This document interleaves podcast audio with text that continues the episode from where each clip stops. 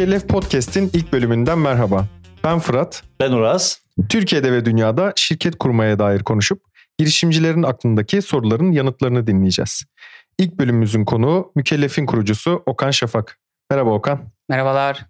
2019 yılında Mükellef'i kurdun ve 3 yıldır girişimcilik tabiriyle kategori yaratıcısı olarak devam ediyorsun. Mükellef'in kuruluş ve büyüme hikayesini senden dinlemek çok keyifli. Bize birazcık anlatabilir misin bu hikayeyi? Ya bu hikayeyi birkaç defa anlattım ama e, burada anlatmak yine benim için de çok keyifli olacak.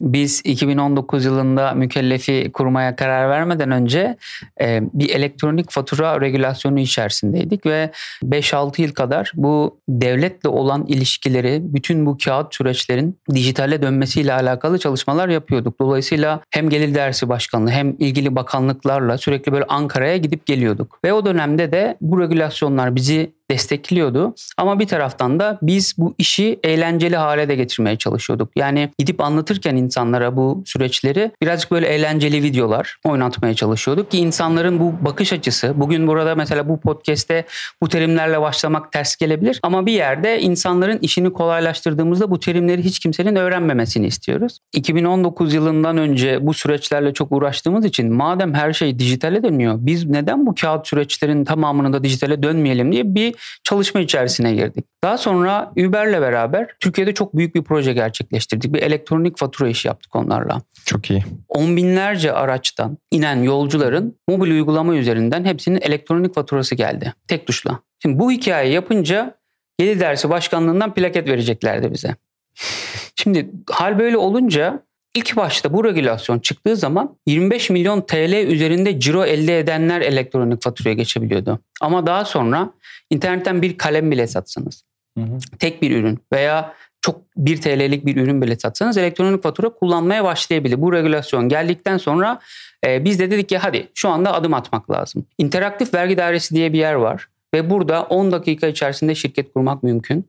Ama insanlar birazcık çekiniyor. Biz de dedik ki içerik üretelim insanlara bu işin kolay olduğunu, neden şahıs şirketi kurmak hem maliyet açısından hem de hız açısından çok faydalı diye anlatalım. İnsanların birbirine vermekten çekindiği, ben bu içerikten para kazanıyorum ya, ben bunu niye anlatayım Tabii. dedikleri her şeyi dedik ki biz her gün video çekelim, yüzlerce yazı yazalım, insanlara açıklayalım. Bu iş çok kolay. Ve bugün on binlerce üye elde ettik ve 13 binden fazla şirket kuruluşunu mükellef olarak gerçekleştirmenin gururunu yaşıyoruz. Çok heyecan verici bir rakam gerçekten. Aynı anda dedik ben de muhteşem diyordum. Tabii bir taraftan da işi e, globale açtık. Birazdan onların da detaylarına gireriz. Ya çok güzel bir hikaye bu tarz hikayeleri dinlemek girişimciliğin hangi alanında olursa olsun güzel bir öğreti oluyor. Şimdi biraz aslında mükellefin de ne yaptığından bahsedebiliriz. Mükellef aslında ilk gün yaptığının çok ötesinde işler yapmaya başladı şu anda.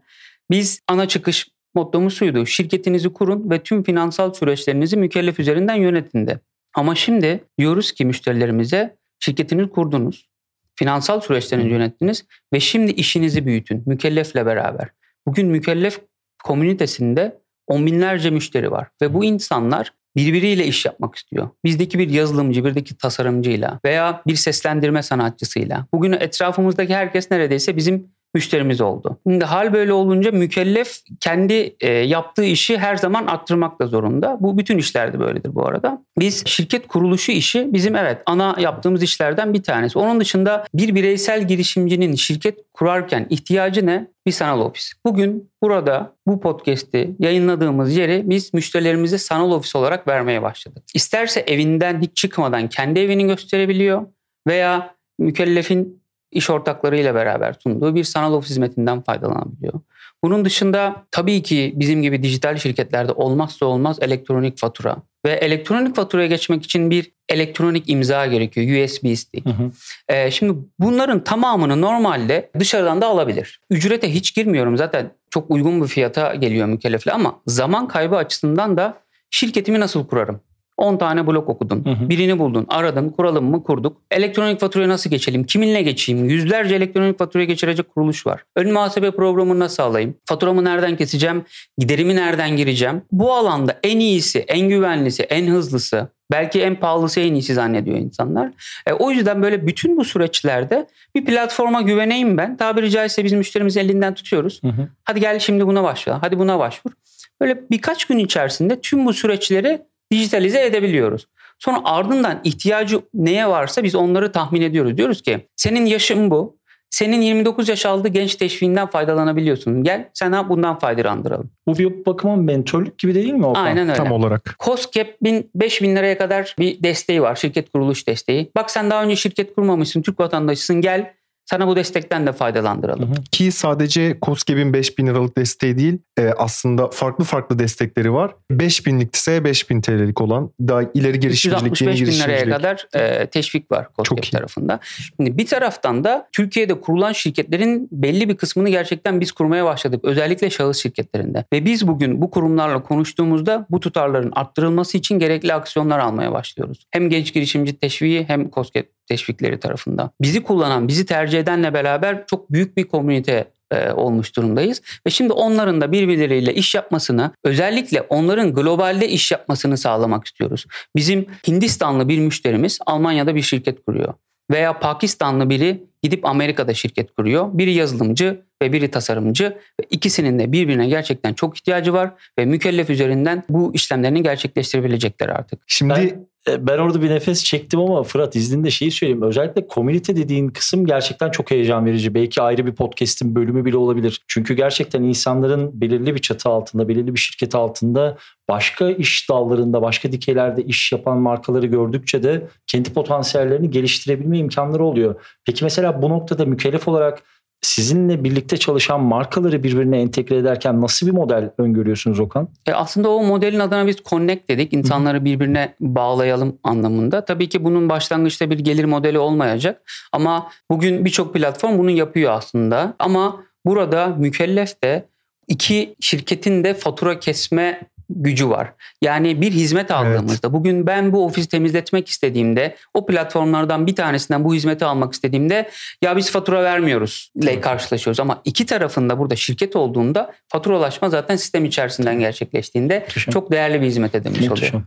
Aslında iki şirketin birbiriyle yaptığı alışverişteki en büyük problem olan faturalaşmayı Tabii. hali hazırda ikisi de faturalaşabildiği için bunu çözebiliyoruz. Kesinlikle. Peki şunu biliyor muydun? Fırat bizim ilk müşterilerimizden bir tanesi ve şimdi bizim pazarlamamızı yönetiyor. Ve Muhteşem. mükellef ekibinin %40'ı şirketi var ve mükellefe fatura kesiyor. Satış yöneticisi, iş ortaklıkları yöneticisi, pazarlama yöneticisi. İnsanlar zaten bir yerden sonra kendi şirketini kurup bana ve benimle beraber kaç tane platforma da destek verebiliyorlar. Bugün e, kameranın arkasında olan Emre de zaten bir şirketi vardı. Bizimle çok yeni çalışmaya başladı. O da bize fatura kesen bir modelde ilerliyor. Hı hı. Biz bir taraftan da insanları buna yönlendirmeye çalışıyoruz. Birçok rapordan da görüyoruz ki 2027'nin sonuna kadar bordrolu çalışanları freelancer çalışanlar geçeceğini görüyoruz. Ve bu anlamda biz kendi ekibimizi de buna yönlendiriyoruz. Doğru. Nefis bir istatistik. Şimdi gig ekonomisi olarak ayrı bir başlık açarak yeni bir bölümü de bunu konuşmak Zaten şart. o, Okan konuşurken aldım o küçük notları. Evet. Baş, başın İlk- belada o Fırat. yüzden beni ilk başta Evet, aynen, aynen. Sen bizi şu anda yönlendiriyorsun. Gig ekonomisi e, gerçekten aslında bambaşka bir boyutta. E, mükellef gig ekonomisine hizmet eden bir noktada. E, gig ekonomisinin içerisinde onu büyüten oyunculardan bir tanesi. Geçtiğimiz yılın Haziran'ına kadar sadece Türkiye'deydi. Gig ekonomisini büyütme anlamında. Fakat geçtiğimiz yıl yurt dışına açıldık Muhteşem. e, mükellefle. Aslında gig ekonomisini biz Türkiye'de yapıyorduk. Türkiye'de gig ekonomisine hizmet ediyorduk. Fakat geçtiğimiz yıl yaz mevsiminden sonra yurt dışına da açıldık. Gig ekonomi ne abi? Gig ekonomi ne? Gig ekonomi aslında e, bir müzik terimi gig. Hı hı, aa, Kısa süreli iş anlamına geliyor. E, bunu en basit tabirle böyle tanımlayabiliriz. süper. Bunu başka bir bölümde Yine e, terimleri, bu terimleri daha detaylı konuşmak çok daha iyi olacak. Yurt dışına açılmak dedik. Okan'dan yurt dışına açılma hikayesini dinlemek benim için ayrı bir keyif. İçinde bulunurken de çok güzeldi. Yine önceki işimizde diyelim yaptığımız o girişimimizde yurt dışına açıldığımızda işin renginin çok fazla değiştiğini fark ettik. Sandığımız kadar e, zor olmadığını da gördük. Herhangi bir yerden, herhangi bir bakanlıktan bir destek istediğimizde hemen ne istersiniz bizden? Ya da yurt dışında bir iş ortağına mail attığımızda e, ya adamlar bizi sallamaz bakış Hı hı. açısıyla girerken aa çok güzel çok sevindik hadi gelin beraber ne yapabiliriz'e dönmüştü orada da. Ve bunu burada da yapmayı planlıyorduk. En başından beri bu vardı ama bir taraftan da sisteme oturtmak, yazılıma oturtmak ihtiyacı vardı. Sistemi anlama ihtiyacı vardı. Sonra biz bir ülkeye açılırken aslında talebe bakıyoruz. Şimdi mükellef müşterilerinin bize biz Amerika'da şirket kurmak istiyoruz, İngiltere'de şirket kurmak istiyoruz getirmesi çok değerli bir şey. Ama bir taraftan da buralarda şirket kurmak isteyen sayılar nasıl? Herhalde 50'den fazla rapor inceledik. Amerika'yı seçerken, İngiltere'yi seçerken ve bir taraftan da buralarda online şirket kuruluşu mümkün mü diye bakıyoruz. Eğer mümkün değilse da mükellef olarak orada var olmak bizim için e, çok daha zor oluyor ve biz hızlı başlamak istiyoruz. Dolayısıyla bu iki kümenin kesişimini aldıktan sonra biz Amerika'yı açma kararı aldık ve çok hızlı bir şekilde İngiltere'de de ardından açtık. Ve bugün yüzlerce insan bu arada ilk başta Türklerle başlamıştık. Hı hı. Bir Türk gelip bizde Amerika'da şirket kuruyordu. Süper. Ama bugün yüzden fazla milletten insan gelip bizimle beraber şirketini bu ülkelerde kuruyor. Hı. Ve bu bizim için çok değerli bir şey. O insanlarla biz sürekli toplantılar halindeyiz. Bugün beni en azından iki tane kişi Hindistan'la ilgili bir şeyle ilgili arıyor. Hı hı. Ve bu bizim için çok değerli hale geliyor. Biz artık ekibi, İngilizce bilmeyenleri artık ekibe dahil etmiyoruz. Bu arada içerideki ekibe de e, İngilizce eğitimleri aldırıyoruz. Muhteşem. E, ben dahil en iyi arkadaş bile İngilizce eğitimi alıyor. Onun yanında işte İspanyolca, İtalyanca eğitimleri de veriyoruz. Mesela Fırat İtalyanca öğrenmek istiyor. Evet. Mümkün olduğu kadar e, globalleşmeye çalışıyoruz. Bir taraftan da gelir geldiği zaman az önce işte podcast'te başlamadan önce konuştuk. İkinci Almanya müşterimizi aldık. Ya bu e, Almanya işini açmak ya da herhangi bir ülkeyi açmak bizim için e, çok basit bir hale geldi. Bir ön başvuru sürecimiz var. Hı hı. Onu yaptıktan sonra bakıyoruz ya bir hafta içerisinde iki tane Almanya müşterisi almak bizim için çok değerli. Muhteşem. Ve ondan sonra bunu ürünün içine yazmaya başlıyoruz. Hı hı. Böyle denediğimiz birkaç yer var daha duyurmadığımız ama görüyoruz ki insanlar bize çok güveniyor. Hı hı. Bir tek mükellef adını çok Türkçe kaldığı için birkaç tane böyle feedback almıştık ve dedik ki o zaman biz yeni bir marka çıkartalım ama mükellef adı anlamını biliyorsunuzdur. Mükellef bir sofra derken hı hı. bir düzeni bahseder ve vergi veren kişi demektir. Dolayısıyla Tabii. Türkiye'de çok uyuşan bir isim mükellef. Ama global tarafta baktığınızda buna çok benzer bir araştırma yaparak bir Worky diye bir e, marka çıkardık. Bu arada mükellefin de brandini değiştirdik. Çünkü biz çok hızlı başlamıştık Türkiye'de. Tek gecede web sitesini çıkartmıştık. Çünkü müşteriler almaya başlamış. Çünkü iş çok iyi. Hı hı. Çünkü fikir çok iyi ve insanların bize e, güvendiği bir geçmişimiz var. Evet. Ben eski işimde iş ortakları yöneticisiydim ve o gün ben bu işe başlarken hep 2-0, 3-0, 4-0 önde başladım. Ben asla mükellefte e, her işi kendim yapacağım demedim. Ön muhasebe işini en iyi kim yapıyorsa onunla beraber yapalım. Ödeme almada en iyi kim yapıyorsa pahalısına da bakmadık bu arada. Güvenlisi, hızlısına baktık. Daha sonra diğer paydaşlar da bize geldi. Biz de sizinle çalışmak istiyoruz dediler. Hay hay daha fazla da arttırabiliriz. Yeter ki bizi kullanan, bizi tercih edenler doğru düzgün bir hizmet alsın. Evet. Kesintisiz bir hizmet alsın. O anlamda yine podcast'in başında söyledik. On binlerce kişiye hizmet etmek bizim için çok değerliydi. Ve bu hizmeti hem hızlı olması hem güvenli olması, kesintisiz olması ve uygun fiyatı olması. Çünkü insanlar şirket kurmak kararı aldığında başlangıçta çok büyük bir sermayeleri olmuyor. Hadi gireyim. Bir tık gaza geliyorlar. Neyse hadi parası vereyim de diyorlar ama bir taraftan ikinci aydan, üçüncü aydan itibaren Sonra. problemler yaşanmaya başlıyor. O yüzden uygun fiyat vermek zorundayız. Biz iş ortaklarımızla konuşurken 100 lira bu ürün. Ben zaten mükellefi 200 liraya satmayı düşünüyorum. Senden evet. bunu 100 lira alırsam 110'dan 110'dan nasıl yapacağım bunu? Ya bu kişileri girişimci olarak görün ve buraya bir tohum atıyoruz hep beraber. Hakikaten de ülkenin de geleceği için. Hep beraber bu tohumu atarken biz sizi bir araya getirirken Bizde zaten birkaç ay e, bir şey kazanma arzumuz yok. Bir gelir Tabii. beklentimiz yok ilk birkaç ayda.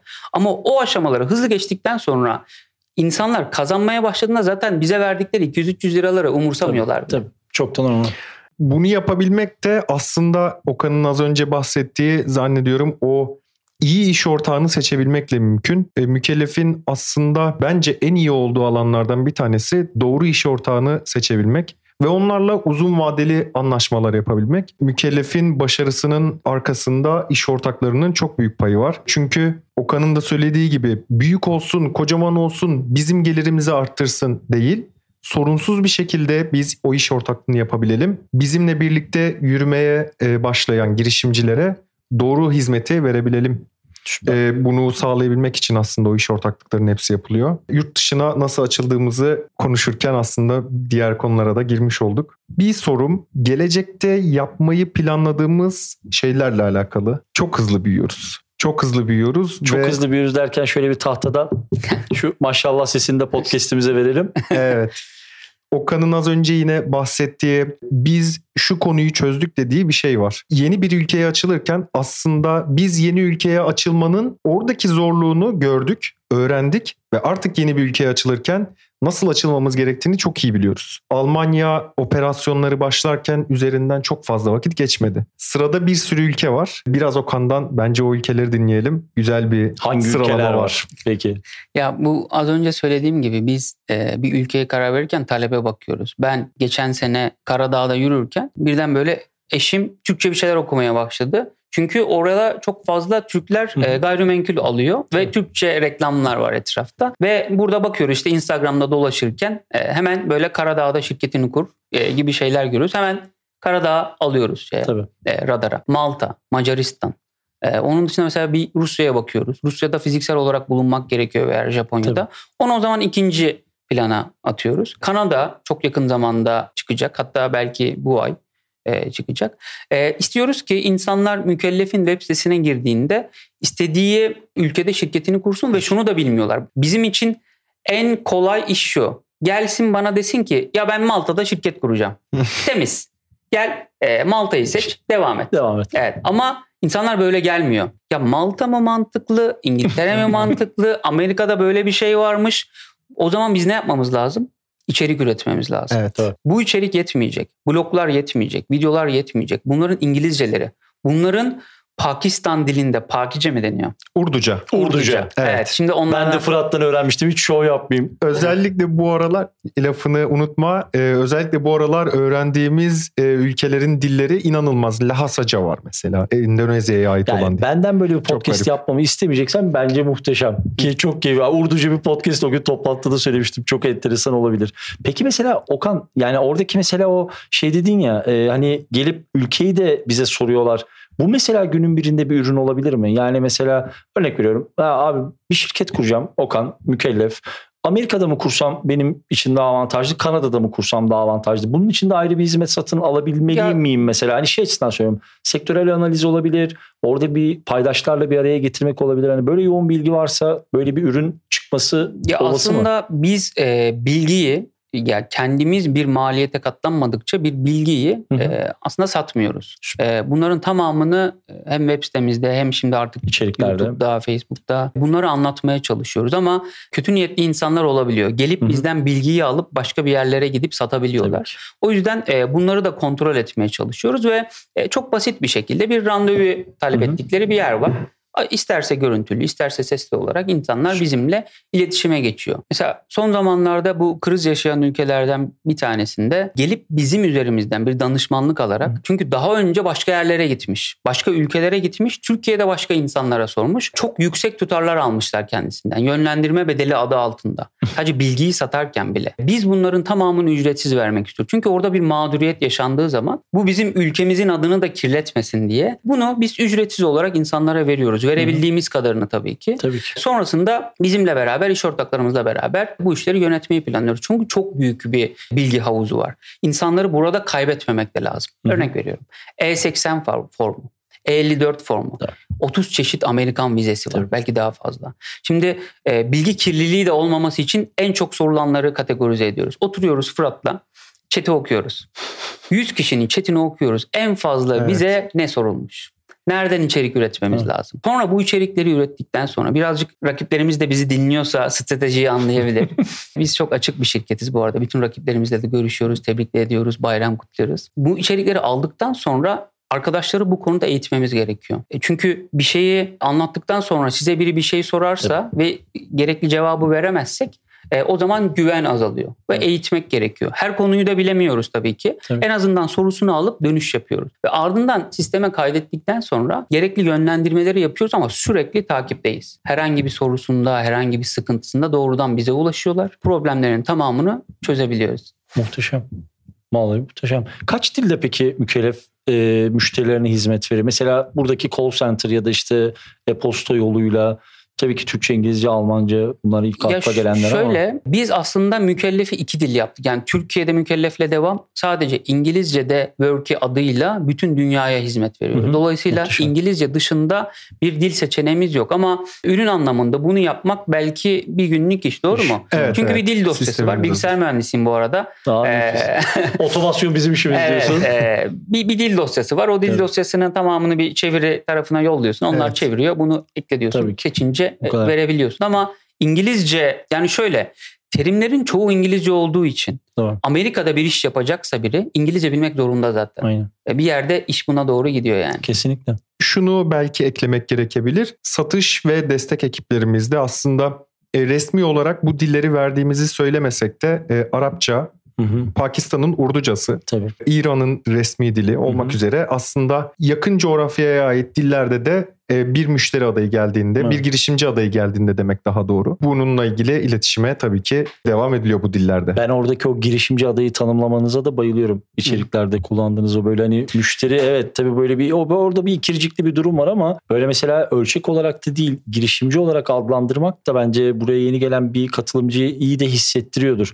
Orada elinizde çok ciddi bir artık birikim var yani. Bir şey söyler misin bununla ilgili? Şöyle bir konu var Uraz. Aslında iyi bir yere değindin. Esasında e, ruhsuz bir şirket olduğunda her yeni gelen e, ve parasını ödeyen kişiye müşteri dememiz gerekiyor. Fakat biliyoruz ki bugün 13 binden fazla şirket kuran kişinin evinin kaderini değiştirecek bir hamle şirket kurmak. Şirkete mükellefe ödediği ücret onun için çok büyük bir ücret değil biliyoruz. Bazısı için tabii ki önemli olabilir e, o ücrette. Asıl önemli olan orada ödediği ücretten ziyade girmiş olduğu kafa yapısı. Kurye de olsa, e-ticaret müşterisi de olsa, e-ticaret yapacak birisi de olsa, Tabii ki. meyve ihracatçısı da olsa, dövme tasarımcısı da olsa, 320 farklı faaliyet alanından bahsediyorum. Herhangi bir faaliyet alanında bir kişinin mükellef ile şirketini kurması onun girişimciliğe adım attığı, karar verip adımını attığı ilk an mükellef. O yüzden müşteri demek çok içime sinmiyor. Çok doğru doğrusu. bir seçim. Çok doğru bir seçim.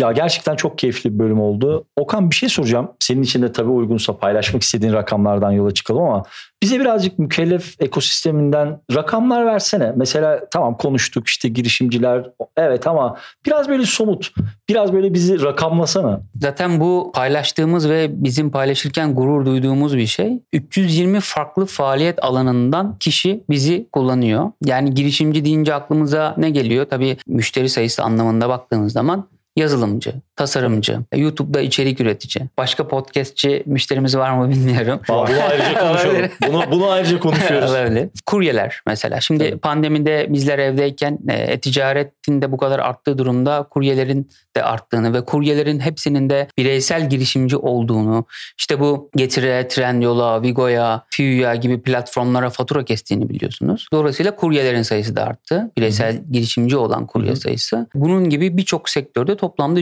320'den fazla sektörde müşterimiz var. Şimdi bir Muhteşem. taraftan da yaş aralığı bizim için çok değerli. Hı hı. 29 yaş altı olanların oranı %82.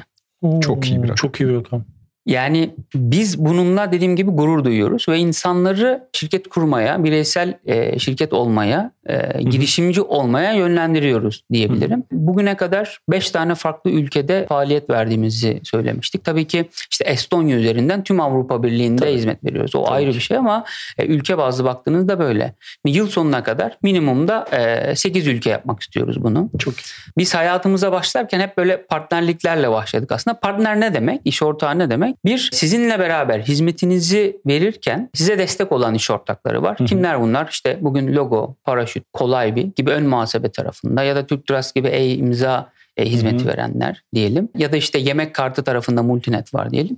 Bir taraftan da bir kişi ben e-ticaret yapmak istiyorum diye işte İKAS'a, Ideasoft'a, Digimax'a Hı hı. gidiyor ve diyor ki ben hayatıma başlamak istiyorum. Bir şeyler satmak istiyorum. Okey güzel. süper. Bir işte N11'den Trendyol'dan hepsi buradan bir şey satmak istiyorsunuz. Süper. O zaman şirketin var mı? Çünkü vergi levanı yoksa satış yapamazsın. Evet. Şirketin yoksa eğer bu platformların tamamı hadi o zaman gel mükellefe. Seni alalım. Evet. Mükellefe yönlen. Ve Tabii. işte bankacılık sektöründe de çok iyi çalıştığımız bir Akbank var. Ve bazı iş ortaklarımız gerçekten taşın altına elini koyuyor.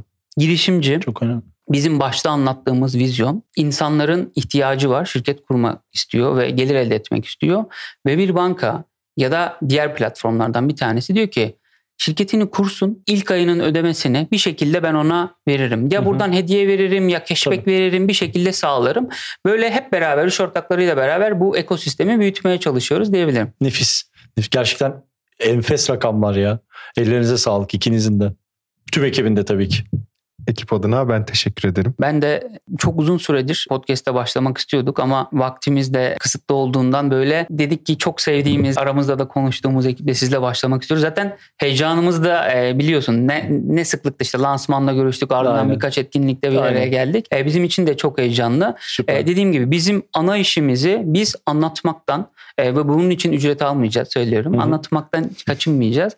Bütün platformlarda, platformları Fırat bahseder. e, her yerde içerik üretmeye devam edeceğiz. Biz de buraya dahil ettiğiniz için biz de size teşekkür ederiz. Asıl biz süper. Şöyle inanılmaz teşekkür. Herkes teşekkür sıralamasını bitirdiğimize göre şimdi o zaman evet abi sana gelelim. Sen birazcık o zaman mükellefin böyle bir iletişim kanallarından bahset. Ondan sonra son sözü Okan'a atalım ve Mükellef Podcast'in ilk bölümünü sonlandıralım. Tamamdır. E, Mükellefi YouTube kanalında, e, Mükellef'in blog sayfasında, Twitter'da, Facebook'ta, LinkedIn'de daha doğrusu aslında e, bilgi alabileceğiniz her kaynakta bulabilirsiniz. Mükellef olarak aratmanız yeterli. Ve artık elbette podcast'te. Bir Elbette. podcaster olarak bunu geçemedim özür dilerim abi. O küçük hatırlatmayla nefis. Ellerinize Yeni sağlık. başladığımız için zannediyorum. Aynen. Okan çok teşekkürler. Uras çok teşekkürler. Ben teşekkür ederim.